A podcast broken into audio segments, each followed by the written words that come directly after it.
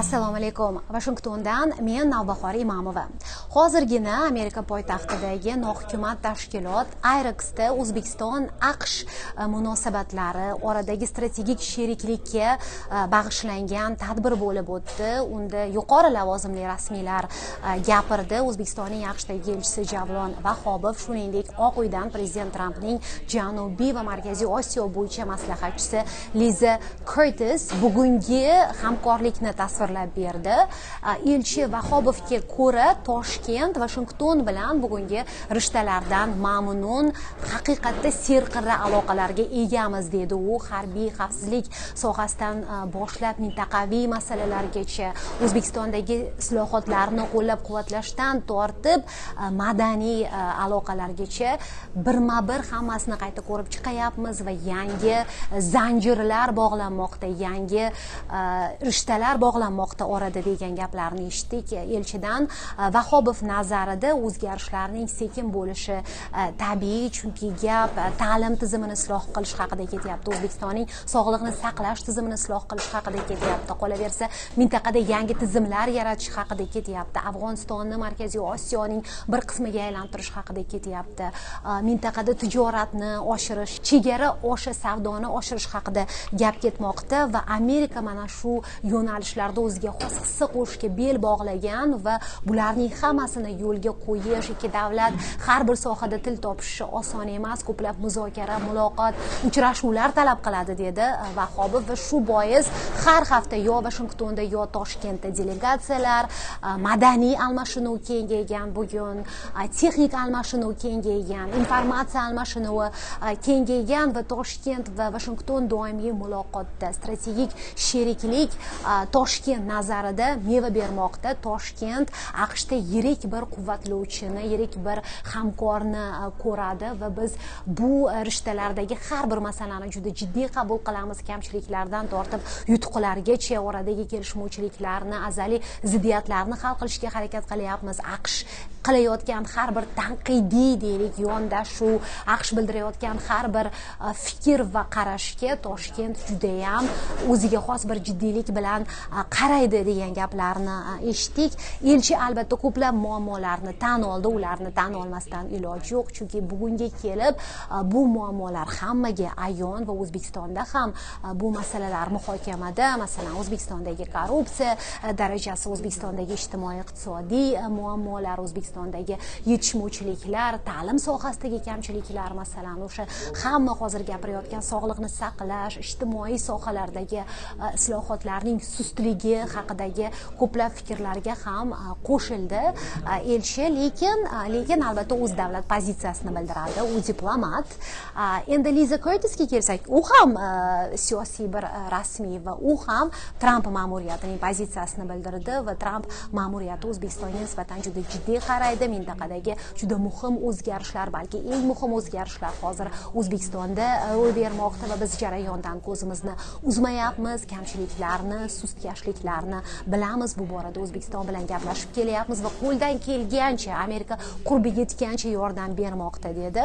E, oradagi almashinuv dasturlari kengaygani va kengayib borayotganini aytdi. Amerika o'zbekistonga islohotlar samara berishi yo'lida e, yordam berishga bel bog'lagan bunga va'da bergan o'tgan yili ikki prezident vashingtonda uchrashganida ham undan keyingi uchrashuvlarda ham mezon bor zamin bor hamkorlikni e, rivojlantirish uchun endi mehnat qilish kerak va qattiq e, mehnat qilish kerak va orada albatta yiqilishlar bo'ladi mag'lubiyatlar bo'ladi va biz mana shu mag'lubiyatlarga ham konstruktiv qarab e, o'zbekistonga yordam berishda davom etamiz dedi va o'zaro manfaatlar asosida ikki tomon ishlashda davom etadi dedi. Endi ko'p jihatdan har ikki rasmiydan eshitganlarimiz doimiy eshitib yurgan gaplarimiz. Lekin bugun bu yerda o'zbekistonda nima o'zgardi va nima o'zgarmadi degan katta bir savol e, o'rtaga tashlandi va rasmiylar mana shunday savol deylik o'sha doirasida e, aloqalarni bugungi hamkorlikni e, muhokama qildi. Liza kortisning aytishicha o'zbekiston hozir islohotlarning e, dastlabki bosqichida ya'ni o'sha dastlabki bosqich boshlanishi va hozir o'sha muammolarning tan olinishi o'sha muammolar ro'yxati tuzilishi va qaysi muammo bilan qachon qanday shug'ullanish kerakligini belgilab olishning o'zi ham katta gap ya'ni strategik yondashilyapti va e, vaqt olishi tabiiy va samarani kutib odamlarning e, ishonchi past pasayishi odamlarning deylik umidi so'nishi ham tabiiy buni ham hisobga olishimiz kerak. Lekin oxir oqibat o'zbekistonni o'zgartiradigan o'zbekistonda o'zgarish qiladigan uning hukumati va xalqi biz yordamchimiz biz tashqaridan kelib uni quvvatlab turgan tarafmiz dedi liza kertis endi bugun bu yerda o'sha markaziy osiyo bo'yicha mashhur ekspertlardan fred star ham gapirdi fred starning asosiy tanqidi shu bo'ldiki amerika hozirgidan ham ko'proq harakat qilishi kerak ko'proq hissa qo'shishi kerak va real hissa qo'shish kerak. Faqat maqtashning o'zi yetmaydi faqatgina ruhan quvvatlashning o'zi yetmaydi. Real yordam berish kerak qaysi sohada bo'lmasin. Texnik yordammi? Amerika mana bizning texnik yordamimiz deb chiqishi kerak. Harbiy yordammi?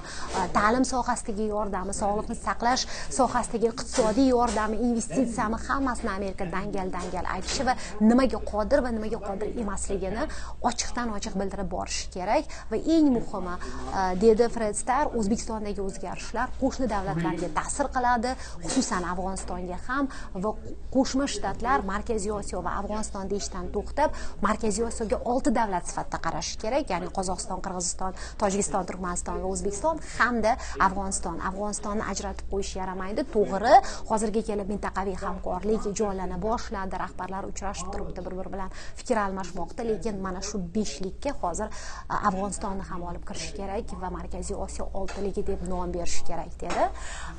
Bu gaplarni biz firistlardan oldin ham eshitganmiz lekin bugun mana elchi va o'sha oq uy rasmiysi oldida bu gaplar aytildi va keyin diplomatlar va rasmiylar ham fred mana shu tanqidiy qarashlariga javob berishdi. Qo'shilishdi ko'p jihatdan uning fikrlariga va shu tomon harakat ketmoqda dedi. Men ham so'zladim e, bu e, davra suhbatida va menga tashlangan asosiy savol e, shu bo'ldiki mana o'zbekistonni agar o'tgan bir yildan beri yoritib yurgan bo'lsam nima o'zgardi va nima o'zgarmadi? Va endi bergan javoblarimdan asosiysi shu bo'ldiki o'zbekistonda hali ham o'zgarish kayfiyati bor lekin u so'nib bormoqda chunki odamlar mevasini ko'rmayapti. Ko'plab odamlar qani samara deb turibdi va hukumat katta o'zgarishlar va'da bergan va mana shu o'zgarishlar bo'lishini kutishmoqda va bu o'zgarishlar eng oddiy yo'nalishlarda bo'lishi kerak. Ta'lim sohasida sog'liqni saqlash bank sektori ommaviy axborot vositalari faoliyatida sezilishi kerak. Ya'ni odamlarning kundalik hayotiga bevosita ta'sir qiladigan o'zgarishlar bo'lgandagina odamlar bizga mana islohot nimadir beryapti deb fikrlashi mumkin. Lekin islohot qiladigan ham aslida odamlar ya'ni qanday qilib hukumat mana shu islohotlar jarayoniga mana shu o'zgarishlar jarayoniga fuqarolarni olib kirishi mumkin? Qanday qilib ularni ishontirasiz qilayotgan ishingiz to'g'ri ekaniga buning uchun hukumat ommaviy axborot vositalaridan to'g'ri foydalanish kerak. Buning uchun o'zbekistonda davlat ommaviy axborot vositalari isloh qilinishi kerak. Buning uchun hukumat o'zining pozitsiyasini o'zining siyosatini yaxshiroq tushuntira bilishi kerak. To'g'ri hozir prezident mirziyoyev yurt kezib odamlar bilan gaplashmoqda fuqarolar bilan fikr almashmoqda lekin bu e, fuqarolar nazarida ko'p hollarda xo'ja ko'rsinga qilinmoqda. Ya'ni bu mana o'zbekistonda o'zgarishlar bo'ladi deb ko'rsatish lekin aslida shuncha gap faqat safsata ya'ni o'zgarishlarni biz real tarzda sezmayapmiz samarani biz hayotimizda ko'rmayapmiz yoki bo'layotgan o'zgarishlarni ham ommaviy axborot vositalari xususan davlat ommaviy axborot vositalari ya'ni davlat o'zi qo'llaydigan vositalar olib chiqa olmayapti. Э, mana shu э, masalalar haqida gaplashdik va o'zbekistonga э, men ham o'sha tashqi yordam real yordam bo'lishi kerak. Ya'ni o'zbekistonni ruhan quvvatlashdan endi e, moddiy quvvatlashga o'tish kerak va bu borada yordamni e, oshirish kerak degan e, gaplarni bu yerda aytdik. Endi jurnalistika sohasidagi o'zgarishlarga qo'shma shtatlar juda katta qiziqish bilan qaraydi chunki matbuot erkinligi tarafdori va bugun o'zbekistonda ommaviy axborot vositalari qanchalik mustaqil qanchalik xususiy qanchalik erkin degan e, savollar bu yerda doimiy ravishda yangrab keladi. O'zbekistonda yangi axborot portallari shakllanayotgani haqida paydo bo'layotgani haqida gapirdim.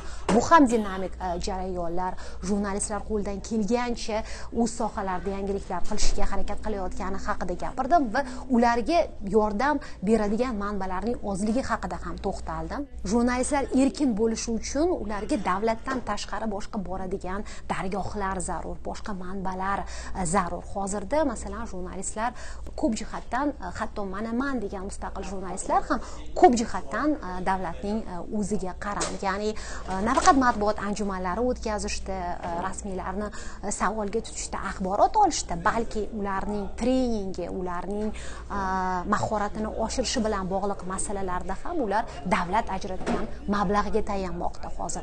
Hozirgacha mana o'zbekistonda mana shunday mustaqil manbalar yo'q. Bu tadbirni asl shaklida saytimizda tomosha qilishingiz mumkin albatta ingliz tilida o'zbekistonda shu paytgacha nima o'zgarib nima o'zgarmaganini sizdan yaxshiroq hech kim bilmaydi agar o'zbekistonda yashayotgan bo'lsangiz bu boradagi fikr va mulohazalaringizni kutib qolamiz hozircha shu vashingtondan men navbahor imamova omon bo'ling